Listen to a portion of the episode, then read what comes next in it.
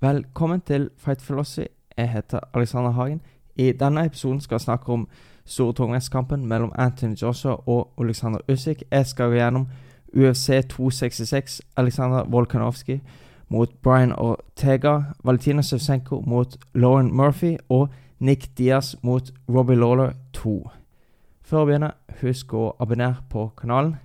Legg gjerne en kommentar på YouTube. Er det noe mer dere har lyst til å se, lik videoen, del den videre. Dere kan følge meg på Apple, Google, Spotify. Alle, egentlig alle tjenester der har tilgang til podcaster. Den store underdagen, Oleksandr Usyk, vant på poeng mot Anthony Joshua. Han vant en ensomme seier. 117-112, 115-113 og 116-112. Usyk kom jo opp fra cruisevekt. Der hadde han alle de fire store VM-beltene. Dette var hans første forsøk på en tittelkamp i tungvekt. Det var hans tredje kamp i tungvekt. Og kanskje den aller mest kjente bokseren som har gått opp i vekt fra cruisevekt til tungvekt før, og vært mester i begge er Evander Holyfield. Så sånn sett uh, var Usyk i godt selskap. Han ble sammenligna veldig mye med han på den tiden da Holyfield-bokser var Eh, cruisevekt i 86 kilo, og tungvektene var ikke så store. I dag er cruisevekt 90,7, og tungvektene er ganske mye større enn den tiden. Mm, det her var enda en kamp hvor vi så to olympiske mestere mot hverandre. Mm, den nærmeste kampen jeg kommer på nå, men det er jo Germa Rigodor mot Vasyl Lomasenko, enda en ukrainer. Mm. Og Usyk slo Joshua foran 65 000 tilskuere på Tottenham Hotspur Stadium i England. Det var skikkelig Ja, det var vel ikke veldig mange som var der for å heie eller se på Alexander Øsik. Uh, men det her er jo ikke første gangen han bokser på bortebane, for proffkarrieren uh, hans har jo han, Foruten å bokse i hjemlandet Ukraina, så har han jo tidligere boksa i Tyskland, Polen, USA, Latvia og Russland. Så har han vært én gang i England før, da han slo ut Tony Bellew. Så han har jo reist litt rundt. Han vet hvordan det er på bortebane. Og han er fremdeles ubeseira. Han har alltid klart å uh, bokse på sin måte og holde hodet kaldt. Og jeg syns jo kanskje aller sterkere hos han er den mentale styrken. Og det viser han igjen, at selv om han er på bortebane, og selv om ingen heier på han, så klarer han å være sterk og gå gjennom stormen. Mm, Usyk veide 100,4 kilo. Det var hans høyeste vekt til nå i karrieren. Han har lagt på seg en del som var i cruisevekt. Han har gradvis gått oppover for hver tungvektskamp. Og Anson Joss var 108,9 kilo. Det er litt sånn Ja, kan, rundt den vekta han har veid i det siste, kanskje litt mindre. Uh, Usikker bare 1,91. Joshua 1,98. Så det var på en måte litt sånn David mot Goliat. Og jeg syns uh, Det første som skjedde, var at Usyk tok kampen til Joshua. Han tok kanskje Joshua litt på senga, for Usyk kom inn og viste at han ikke bare kunne bli kjørt over, selv om han var den mindre mannen. Han visste at selv om han var en mindre mann, han var mindre fysisk og en mye mindre fysikk, så kunne han ikke bare bli kjørt over. Han var der for å vinne med en gang. Og sånn sett så var det jo en perfekt gameplan. Uh, han er jo fra skolen til uh, Lomachenko. Begge har jo hatt faren til Lomachenko, Anatoly Lomachenko, eller Papasjenko som kaller han, som trener på det ukrainske landslaget. Og allerede i første runde så traff Usyk med flere harde venstrekryss. Uh, det er jo det som er kjent for det beste våpenet til en southbow, braker og hånda. Um, han hadde ikke sånn veldig mye respekt for uh, Joshua, og han rysta jo Joshua veldig tidlig i kampen. Og det var kanskje litt overraskende for de aller fleste. Mm. Jeg var litt sånn fram og tilbake. Jeg var litt i tvil hvem kommer til å vinne denne kampen. Og så Ja. Eh, det siste jeg tenkte, var hm, Jeg tror kanskje at Joshua kan tape mot Usyk, men så er det sånn Kan han tape på poeng? Og så Jeg hadde aldri trodd at uh, Usyk skulle være i nærheten av å stoppe Usyk. Jeg tenker kanskje at Usyk enten Usyk på poeng hvis han hadde dommer med seg, eller Joshua på knockout. For han måtte jo være på vakt hele tiden. For Joshua har veldig høy slagkraft, selv om han ikke har den bokse-IQ-en og de ferdighetene og det fotarbeidet til Usyk. Og Usyk tok og varierte venstre hele tiden. Han slo venstre si oppe og nede. Bare der så måtte Joshua så gjetta litt. Hva kommer nå? Går han ned, går han opp? Og det du kunne se hver gang Usyk slo den kryssen sin og slo venstre ned i kroppen, så tok aldri uh, Joshua skifta nivå. Han, han sto bare oppe og fanga han, han, dro ned armen sin og prøvde å fange han helt oppreist. Og det du kan gjøre hvis du har en sånn kryss mot kroppen, enten bare fange med albuen Du kan gå ned på samme nivå og fange den inn i hansken din som du fanger en jab til hodet eller kryss til hodet ditt. Eller kan du bare ta et steg bak. Men han ble bare stående der og tok ned armen sin og gjorde seg veldig åpen senere. Så han var ikke med på de nivåskiftene til Usyk. Og Så den kryssen gikk nede og oppe, og i tillegg noen ganger så tok Usyk og finta ned. Han visste ikke, så, så Joshua ikke visste helt hva som kom. Og så kom han noen ganger med bakre hånd rundt. Han kom på en måte med en sånn lang østeuropeisk uh, ukrainsk hook, men han tok ikke, det var ikke en lang sving. Han, tok, han gikk ganske langt fram, og så kom han rundt garn på en måte. Veldig tricky å se, for Uh, Joshua var åpenbart ikke klar over om slaget kom oppe, om det kom nede, eller om det kommer rundt garden. Han var hele tida litt sånn uh, i tvil. Og noen ganger etter han så kryssen nede, så fulgte han opp med en høyre hook til hodet, og der ble det enda en ting å passe på.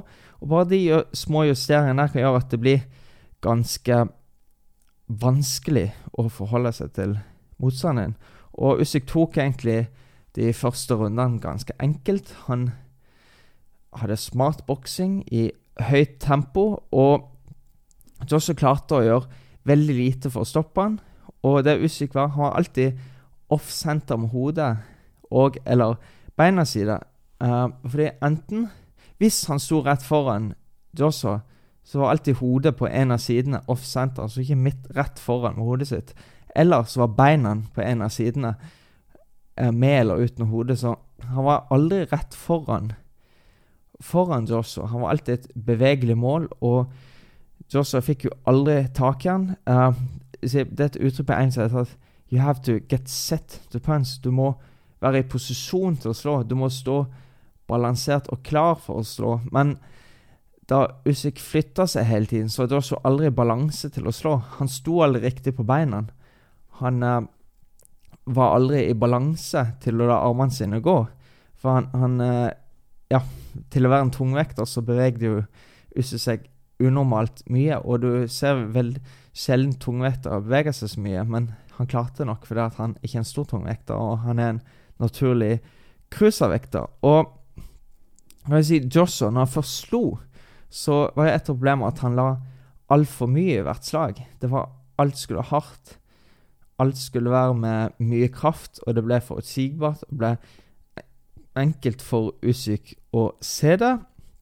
Og så kan du si Hvorfor slo han bare ikke mer? Han måtte jo jo åpenbart det, måtte la armene sine gå mer. Men det er sånn hvis du bommer noen ganger, så er det veldig lett å begynne å tvile på det du gjør.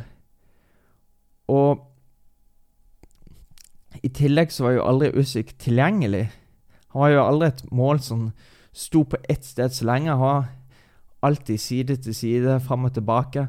Han, var, han sto aldri lenge nok på ett sted til at uh, Joshua klarte å trykke på avtrekkeren. Han klarte aldri bare å la meg gå. Han ble stående der og tenke, og det ble en helt feil kamp for, uh, for uh, Joshua sin del. Og hva kunne han egentlig ha gjort annerledes?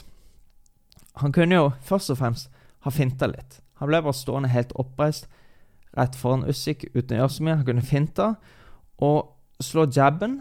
Han kunne slått den mot brystet. Uh, brystet slash eller hodet Nei, uh, brystet slash uh, kroppen eller solaplexus. Det er mye lettere å treffe det enn hodet som er veldig bevegelig. Så kroppen eller brystet er et mye mer stasjonært mål. Og når du slår der nede, så klarer du å stabilisere motstanden litt mer. Han kunne gjort det. Og når han har gjort det, så kunne han fortsette med slag til kroppen. Lettere å treffe kroppen enn hodet.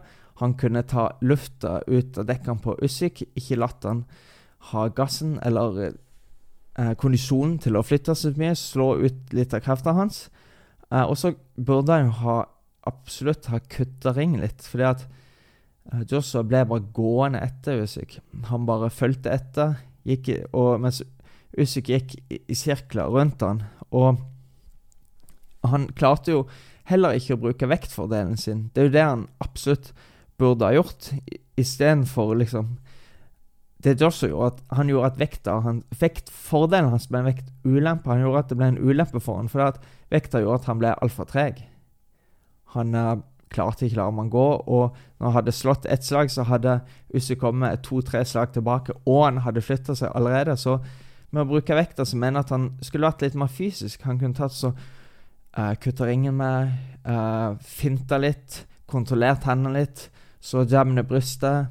Gjør det til en litt mer fysisk kamp, ikke en teknisk boksekamp på en distanse som uh, passer veldig til Usyk. Så det var jo kanskje det største feilen hans, at han Du kunne ikke se at han var en større mann i ringen. Og eh, jeg syns kanskje at eh, Joshua hadde hatt en bedre sjanse mot Usyk om han hadde hatt den samme mentaliteten han hadde da han slo Klitschko. Da kom han inn der for å vinne. Han tok veldig mange sjanser, og jeg syns egentlig Jeg har egentlig ikke sett det samme hos uh, Joshua siden, er jeg helt ærlig. Jeg syns han har vært avventende og ikke minst forsiktig. Det virker som han Det er ikke dumt å ha en tanke bak det gjør, men jeg likte litt av den råskapen jeg kunne se da han så Klitsko. For greit nok, eh, boksing, spesielt i tungvekt, så må du være intelligent. Du må bruke hodet ditt. Det er ikke det jeg sier at han ikke burde gjøre, men du må ha litt av ja, den råskapen, som du sa. Du må få ut litt av villdyret i deg. Jeg, jeg, har bare sett noe sånn forsiktig og avventende person. Du kan jo si uh, Ruiz-kampen Den første tapte nå, kommer tilbake. Så boksa han jo veldig smart. Han klarte å gjøre justeringer i form av at da var han mye mer taktisk. Han tok og brukte beina sine litt mer, og viste en iallfall en litt ny dimensjon i boksinga si. Han var mer taktisk, og han flytta seg mer og boksa mer på avstand. Tok ikke så veldig mange sjanser. Og jeg syns det, det, var en fordel for han i den kampen, rent uh, boksemessig. Uh, og det gjorde at han vant den kampen. Og, men samtidig kan jeg si at Ruiz kom veldig dårlig forberedt. Han hadde ikke dukket opp på treningen. Han var veldig dårlig form. Hadde vel bare gått rundt og spist på Snickers og fastfood hele tiden. Kjøpt seg nye biler. og bare levd livet som en rik tungvektsmester. Uh, så må jo to til i en kamp, og det var jo like mye Reece sin feil at han tapte. Men jeg syns der viste jo uansett uh, det også en litt ny dimensjon i form av at han, han begynte å bevege seg mer. Unnskyld. Han uh, flytta seg mer og ikke, han, han, var mye mer taktisk og avventende. Men jeg syns i mange kamper så hadde jeg gått imot han, at han var avventende, at han var forsiktig. Og i denne kampen så passer han ikke i det hele tatt, for da ble det bare en sånn Det fikk bare Usyk lov til å gå en teknisk boksekamp. Og Usyk holdt jo faktisk på Til slutt han holdt på å stoppe uh, Joshua flere ganger. Og jeg syns jo spesielt uh, helt i uh, slutten av kampen nå, nå, har jeg ikke sittet og tatt tiden på tolvte runde igjen, men da så kampen i går, så så i ni, og så ble det åtte, og så forsvant den telleren på mange sekunder igjen. Og så følte jeg at runden ble slutt rett etterpå, så jeg vet ikke om runden ble litt for kort. Jeg vet ikke, kanskje Det får ta og sjekke sjøl. Jeg skal gå og se kampen igjen senere, så skal jeg se om det stemmer. Det virker som kampen ble stoppa litt, for uh, Joshua hadde ryggen mot tauene. Usyk lot armene sine gå. Han traff med det aller meste. Det var target practice for Usyk. Altså, sånn Oi, nå kan han stoppe han i tolvte og siste runde, og så gikk plutselig gongongen. Uh, så det er noe derfor sjekker. Jeg skal iallfall ta og sjekke det senere. Så han ble Jeg vet ikke om han ble helt redd av gongongen, men iallfall litt trøbbel i slutten. Og etter kampen så var jeg litt redd for at uh, Ja, du kan jo si Før så var tyskeren kjent for å ha den verste dømminga i boksing. Var der Ja, you have to knock him out to get a draw. Det var på en måte sånn. Men uh, de senere årene så har faktisk England blitt nesten like ille. Så det har vært så forferdelig mange dommeravgjørelser der. Mm, men heldigvis, heldigvis Nå har Usyk vært heldig alle de gangene han har boksa på bortebane. Og var heldig nå, eller han var ikke heldig, det jo, skal ikke si det, men det var bra for han at dommerne var på hans side. Og han fikk heldigvis seieren. Og nå har jo tungvektsdivisjonen snudd helt på hodet. Og det jeg ser frem til nå, er jo 9. oktober, hvor Fury skal møte Wyler for tredje gang. Og jeg syns jo vinneren av den kampen bør jo absolutt være potensiell til Usyk. For jeg syns ikke det er like interessant med Tassi Fury mot Anthony Joshua nå. nå. Det, det, det, virker liksom ikke så aktuelt. Uh, nå har jo uh, Matchroom og Eddie Hearn en rematch-klausul, en sånn omkampsklausul, i uh, kontrakten med, mellom Joshua og Usyk, så hvis de vil, så kan jo kan jo Joshua få omkampen i sin neste kamp mot, mot Usyk. Nå får vi se om de gjør noe med det. Nå har jo Usyk WA, WO og IBF-belte, mens Fury har WC-belte. Det er jo litt utrolig, for uh, Usyk har jo hatt alle fire beltene i cruiservekt òg. Nå har han tre av fire belter i tungvekt, og det hadde vært veldig stilig å sette han tatt det fjerde og siste beltet i tungvekt òg.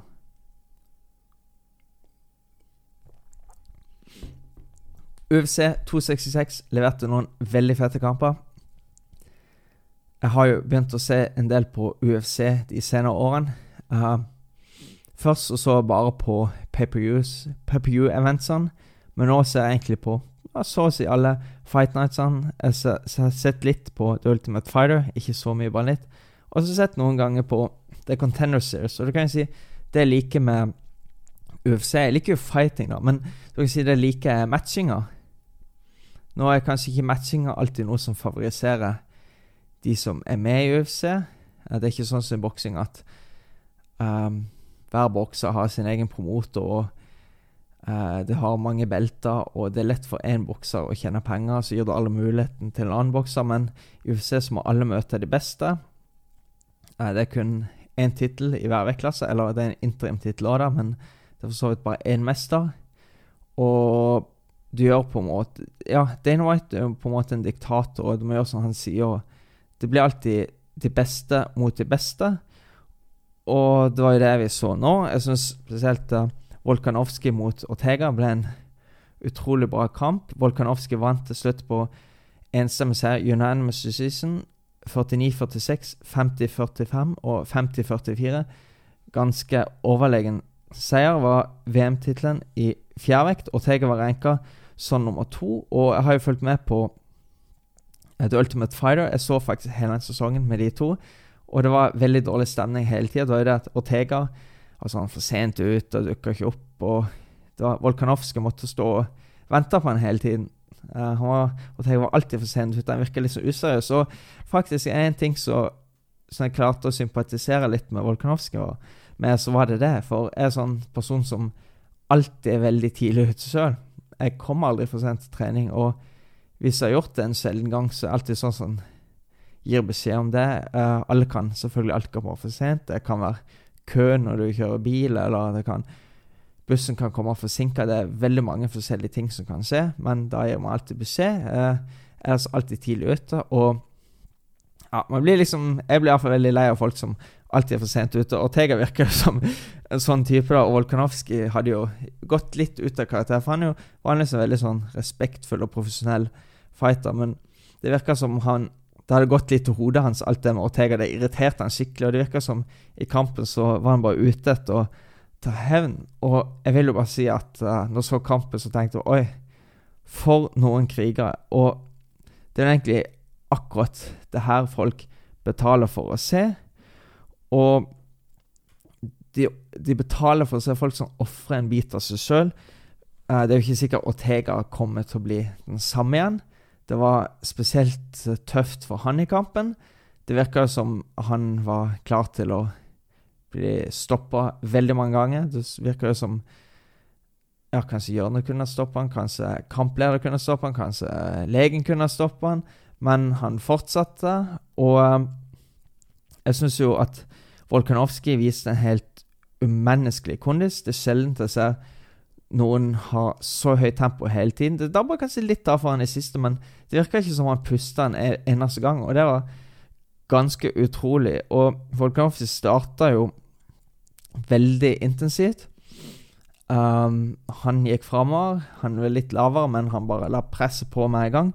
Han kom med veldig mye finte og press, og jeg syns jo spesielt de fintene han gjorde, gjorde at uh, Ortega frøs litt. Han finte litt, og så slo han. Han finta, så sparka han og strika litt. Og det er jo det som er fint med finte. Du kan uh, Du lar uh, motstanderen falle litt ut av rytmen sin, og motstanderen klarer ikke vite helt Kommer det et slag nå, eller hva, hva er det som skjer nå? Du ja, Den som finter, vil at motstanderen skal reagere på fintene, for, for da kan du sette opp åpninger for ja, hjemme strikes eller spark og slag og sånne ting. Og han var Volkanovskij var egentlig helt overlegen i starten. Jeg synes det var egentlig helt sånn i Litt ut i tredje runde, så plutselig skjedde en sånn stor vending. For da, da, ble han plutselig tatt ned, og han ble nesten choka ut. Uh, noe som het mounting guillotine. Det så virkelig ikke bra ut i det hele tatt. Det var sånn Oi, nå kommer han til å bare bli bevisstløs eller til å teppe hvert øyeblikk. Men han, var, han skulle absolutt ikke gi seg, så han bare lå der, og han ga ikke, ga ikke opp i det hele tatt. Og han klarte å komme ut av den posisjonen. og han tok det virka bare som han var ute etter hevn. Han tok veldig igjen, men så ble han nesten choket ut enda en gang i samme runde. Det var en triangle choke, og han kom seg utrolig nok ut av det nå. Han viste utrolig mye fightervilje og pågangsmot som klarte å snu det. Uh, Ortega kom seg jo nesten ikke opp på stolen i pausen etter tredje runde, altså pausen før fjerde runde. Og da kameraet zoomet inn på han da han satt på stolen, så hadde han ja, så mange kutt i ansiktet. Jeg klarte ikke telle hvor mange det var. Jeg virka utrolig sliten, og kampen ble jo nesten stoppa der og da. For legen kom bort, og så holdt han opp fingre og sånn, og så ville han vite hvor mange fingre Ortega så. Og ja, han var litt sånn treg å svare, følte jeg. Så han var ikke helt sånn Han sa et svar med en gang. Han virka sånn Yeah, please let me fight on. Altså. Han, var, han virker litt sånn forsiktig og og tankefull, på en måte. Men kampen fortsetter, og Volkanovskij bare kjørte på med et sånn voldsomt brutalt press. Jeg tenkte, Hvordan klarer Ortega å stå på beina sine? åssen klarer han å la det fortsette? Og i femte runde tenkte jeg at Ortega klarer jo aldri å la det her gå tiden ut. Men da klarte han å, å snu litt på det. Da klarte han å komme litt tilbake. Jeg skjønner ikke hvor han fikk Han fikk jo åpenbart en second eller third win der. Jeg vet ikke hvor han fikk det fra. Og, men det var på en måte litt for lite, litt for sent. Og det ble Volkanovskij som tok seieren til slutt. Og nå har han jo 20 seire på rad. Det er helt utrolig. Og det er jo utrolig vanskelig å få det til i MMA, og spesielt når det er en så stor organisasjon som UFC. Valentina Sivsenko fortsetter å være overlegen. Hun slo Lauren Murphy på teknisk knockout fire, fire minutter inn i fjerde runde. Det var UFC-belte i fluevekt. Murphy kom inn med en bra winning streak med fem seier på rad. Hun var rangert som nummer tre i vektklassen. Og med en gang så var det på en måte helt feil mentalitet og taktikk fra Murphy, for hun ble med på boksinga til Sevsenko. Hun ble med på hennes uh, tekniske kamp. Hun ble stående på avstand og tenke. Og hvis du bokser, eller, bokser, eller hvis du fighter med en smart fighter, så er det dummeste du kan gjøre, å gjøre det til en ja, sånn chess match. Til, gjør det til sak. Du står og tenker. Du lar den overlegne fighteren få gjøre sitt og bare holde på med sitt uten å bli pressa uten å bli stressa, og kunne bare gjøre akkurat som Susanne kunne gjøre akkurat som hun vil, og kunne ta Murphy ned og akkurat når hun ville. Var i full kontroll av kampen. Og Murphy skulle jo for så vidt tatt mange flere sjanser, og jeg følte egentlig å ha hatt uh, to valg i kampen. Hun kunne enten bare bli spist opp av strikes, spark og slag på utsiden, eller så kunne hun tatt flere sjanser og prøvd å komme seg inn og jobbe inne. Men selvfølgelig så hadde hun blitt truffet på vei inn. Men det var sånn hva skal jeg velge? Bli truffet for mye på distanse, eller når jeg er på vei inn? Jeg følte at hadde hun i det minste prøvd å komme seg inn, så hadde hun hatt, i hvert fall hatt en reell sjanse for å gjøre noe skade. Jeg vet ikke om hun hadde vunnet kampen, men hun hadde iallfall mye bedre muligheter hvis hun hadde prøvd litt mer. Altså tatt litt sjanser, blitt truffet litt på vei inn, og så bare tenkt ja, jeg må bli truffet for å komme inn. Men hun var litt sånn uh, forsiktig på, på, avstand. For hvis hun imens hadde prøvd, så hadde hun hatt mye større sjanse for å vinne, som sagt. Og jeg kan si Hjørnet til Murphy syns jeg ga litt feil taktikk. Det var jo eh, mannen hennes som var hjørnet. Han ga jo veldig mye ros. Det syns jeg er bra. Men jeg syns hele tilnærminga skulle jo egentlig vært mye mer offensiv. Det var for forsiktig. De sa at det her gjorde det bra, det går mye bedre enn de forventa seg. Og eh, du må jo være positiv når jeg er i et hjørne. Det er veldig, veldig viktig. Det er veldig vanskelig å gå en kamp. Og du må ha folk i hjørnet som støtter deg, er positive og oppmuntrer deg. Men de må også være ærlige. De kan ikke bare liksom, sitte og jatte med og si at alt går fint, når de ikke gjør det. For hvis du taper, så må du si hva du kan gjøre med det. Du, du trenger ikke si 'Å, nå ligger du under og har tapt alle runde', liksom. men du kan si hva må du gjøre annerledes. Du kan ikke bare si alt det du gjør bra, men du må si hva mer kan du gjøre for å vinne den kampen. For hun fortsatte jo Og de fortsatte jo ikke å si noe som gjør at hun kunne gjøre noe annerledes. Hun fortsatte jo egentlig bare å, å tape kampen uten at de kom med noen instruksjoner til at hun hadde en mulighet til å vinne den i det hele tatt. Så etter hvert så sto jo Murphy en jab da i fjerde runde, og etterfulgt av Frankrike kick med bakeben. Og da tok Susenko kontra med en høyre hook som rysta Murphy, og da fulgte opp med flere slag og for og ned og stopper med masse ground pound. Og det var enda en overlegen seier av Susenko. Og jeg vil si at det største problemet hennes i UFC-karrieren er egentlig at det er litt sånn mangel på konkurranse nå for tiden. Hun har hatt noen tøffere kamper tidligere, men nå er det sånn Hvem skal møte, hva skal gjøre? Det, det er ikke så Helt ærlig ikke så veldig kult å se en så god fighter mot Ja, så middelmådig motstand. Det var det her syns ikke så så veldig bra Det var ikke så ja, Apropos UFC, så setter hun bra kamper. Men problemet er mange av de kvinnevektklassene, så er det litt tomt med konkurranse. Det er ikke så veldig mange bra folk der ute Sjusjenko er jo veldig veldig overlegen i kampen men hun er langt fra perfekt. Uh, da kan vi se hun rhythm-stepper veldig mye. Hopper bak sammen med fremre bein. Og altså, hvis du fighter med henne, så kan du vente til angriper til når hun rhythm-stepper.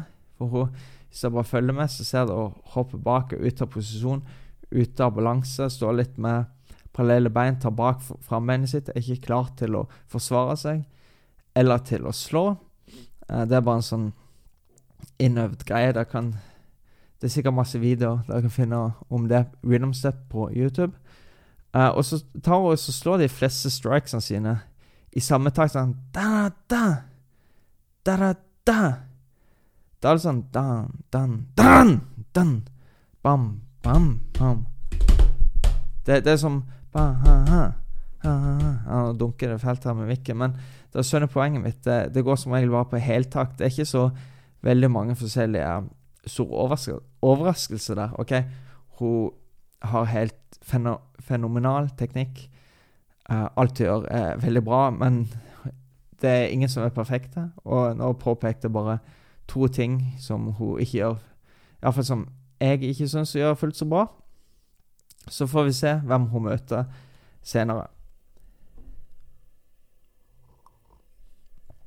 Nick Diaz gjorde comeback mot Robbie Lawler. Dette var en omkamp fra den første matchen de hadde i 2004. Lawler vant etter 44 sekunder. Inn i tredje runde på teknisk knockout. Diaz har jo vært Eller Nate, det er kanskje lettere å si Nate Diaz, for det, det Nei, Nick Diaz. Sorry. det er så lett å si Nick istedenfor Diaz, for det er mange for, forveksler med Nate Diaz, som jeg gjorde akkurat nå. Det Uh, han har ikke gått kamp siden januar 2015, har vært borte lenge.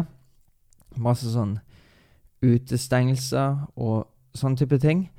Uh, siste uka før kampen ble jeg flytta fra veltevekt til mellomvekt. Det var initiativet til uh, Nick.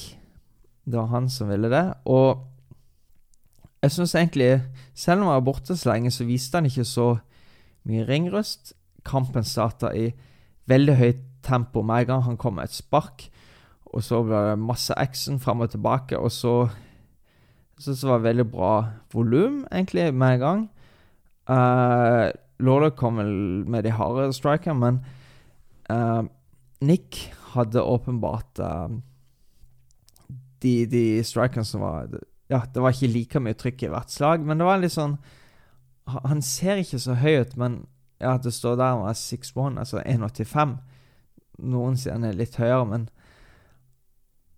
så, så, han var en del centimeter høyere enn Robbie Lawler. Men han, han ser liksom sånn liten og sånn butt ut, så, men plutselig så strekker han armene ut lenger enn en, en det ser ut til han klarer å strekke ut i armene sine. Han, han, ser liksom ikke så bra ut teknisk sett, men han er veldig mye bedre enn ja, hva man bare ser ved første øyekast. Og han hadde et ganske høyt volum fra starten av. Han kom med ganske bra høyre hooks til kroppen. Uh, nå hadde Lawler bra spark til kroppen, som han kjente, men uh, Nick kom med noen veldig bra slag. Jeg syns det var veldig fint. Og Lawler prøvde noen sånne harde low kicks, og kom med sånn veldig stort press allerede i andre runde. Pussa Nick bakover og gjorde det veldig ukomfortabelt. Han kom på tauene, og der ble, fikk der hadde han veldig høy gard. Eh, han var åpen up to middle, altså mellom garden. Og han var veldig åpen i kroppen. Jeg så han hadde noen forskjellige looks. da. Han tok et lite øyeblikk av en litt sånn slags cross-arm defense. Eh, ellers var det for det meste en high guard. Han flytter hodet noen ganger, som regel ikke. Jeg er ikke så veldig fan av Highgard. Det blir sånn alltid åpne, åpninger rundt og mellom. Eh, og spesielt rundt på sidene. Mm, og så hadde han garden veldig høyt, så han var litt sånn åpen i kroppen, ble truffet litt der. Han fikk jo egentlig ingen pauser i det hele tatt pga. det høye presset til Robbie Lawler, eh, som ikke har, har sett sånn veldig bra ut i det siste, men nå, nå, klarte han å se litt bedre ut. Og i tredje runde gikk jo Diaz inn med en jab, og der ble han kontra av høy, en høyre hook fra Lawler, da han sto sånn satt på. Og det her er jo grunnen til at en jab skal slås fra distanse, for det er, det er veldig lett å kontra en jab hvis du ikke bruker rekkevidden din. Uh, for, for Diaz, uh, Nick, han stakk inn med jabben, og da ga han bort hele rekkevidden sin. Det er ikke hensiktsmessig å slå rette slag når du står på for nær distanse, for når du står rett slag her, så kommer det veldig fort et slag over eller rundt, og spesielt når du tar armen tilbake igjen. Det var akkurat idet han tok armen tilbake igjen, da er det òg en veldig stor åpning. Da, da slo Lawler sin høyre hook, og i tillegg så hadde Diaz hodet sitt uh, midt på senterlinjen.